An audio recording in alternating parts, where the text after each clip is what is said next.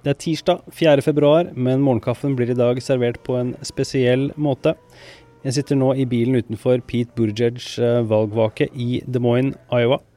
Men resultatene kom ikke. Det førte til at hele programmet vårt måtte skyves på. Så istedenfor morgenkaffen får du her høre valgkampdagbok fra valgdagen i Iowa. Først er jeg på et svært valglokale sentralt i Des Moines, før jeg etter hvert da beveger meg til valgvaken til Pete Buttigieg. Dette er vanligvis innhold som kun er for de som støtter oss på patreon.com ampol, men her får du iallfall en smakebit.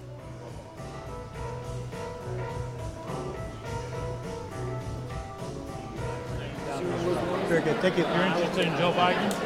Are you proxying for Warren? Awesome. Checking their email. Other awards.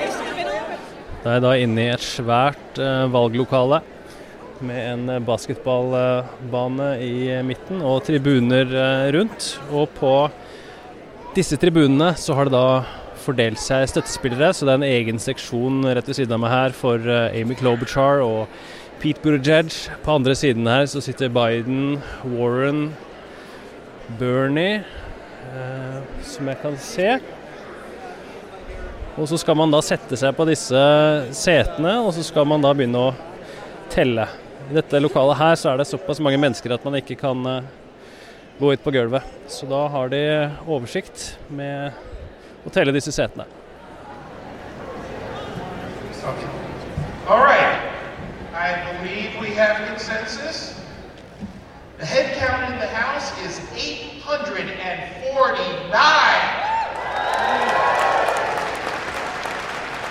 Which, doing the caucus math and rounding up, viability is 127.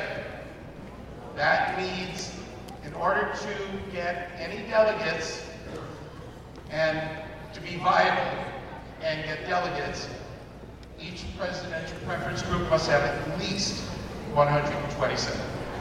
So, Bernie Sanders, 129, 121 Again, Sanders, Buttigieg, Klobuchar, Warren, and Biden are viable. Her i rommet måtte man ha 127 stemmer for å komme på 15% og Bernie Sanders fikk 129. Altså akkurat over 15% Den som hadde flest i rommet, som jeg tippa som på forhånd, basert på sånn eh, rask oversikt Elizabeth Warren med 212, etterfulgt av eh, Pete Buttigieg på 172. Deretter Amy Klobuchar på 140. Joe Biden på 131, og altså Bernie Sanders på 129. Tom Steyer hadde ikke nok, Andrew Yang hadde ikke nok, og Tulsi Gabbard hadde ikke nok.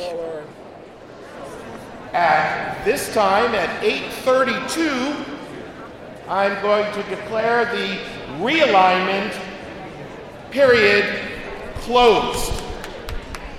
Now, anybody who was in a non-viable group who has made a second choice and has their card, the presidential preference card, please migrate right now to the preference area of your second choice.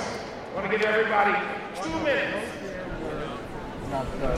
Er de litt usikre på hva de skal gjøre, for det er mange som var talt på første runde som har dratt, og så skal de prøve å finne ut om de som har eh, valgt seg ny kandidat, da faktisk er igjen, eller hvordan de skal løse det her. Et lite eksempel på at caucus-valg kanskje ikke er den eh, mest oversiktlige og beste måten å gjøre det her på, men gøy er det. Okay, here are the final totals. Five more for Bernie Sanders for a final total of 134. 22 more for Pete Buttigieg for a final total of 194. Nine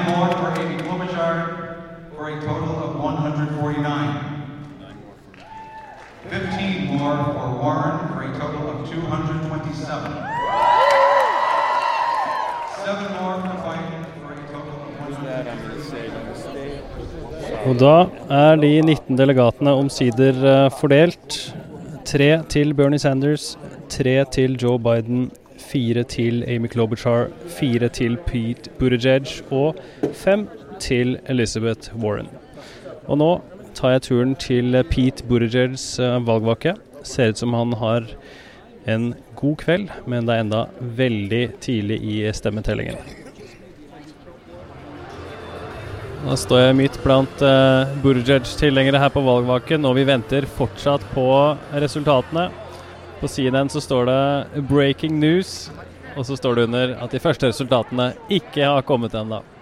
Breaking news kan brukes til mye rart, men uh, ganske stor misnøye nå med at dette tar så lang tid. Og jo lengre tid det tar, jo mindre bounce vil altså vinneren få herfra. Mindre tid på TV, færre som ser talen. Uh, færre, færre, avisforsider som får med seg uh, kandidaten bak talerstolen osv. osv. Vi får uh, smøre oss med enda litt mer tålmodighet.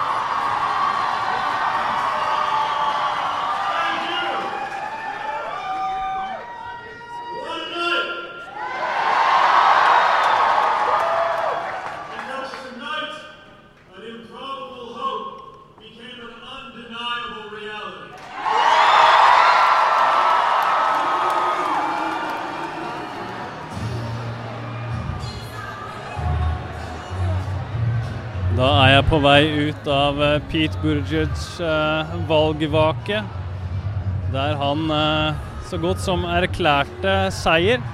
Selv om eh, ingen her har resultatene, så ble det mottatt som, en, som om han visste noe mer enn de som hørte på. Med skrik for full hals og knyttnever i lufta og stor glede blant Mary Pete-tilhengerne.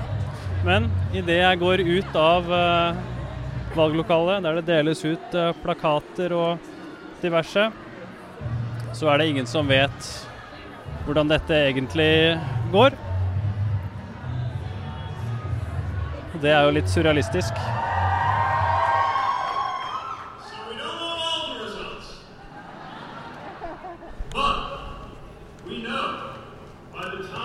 Said and done, Iowa, you have shocked the nation.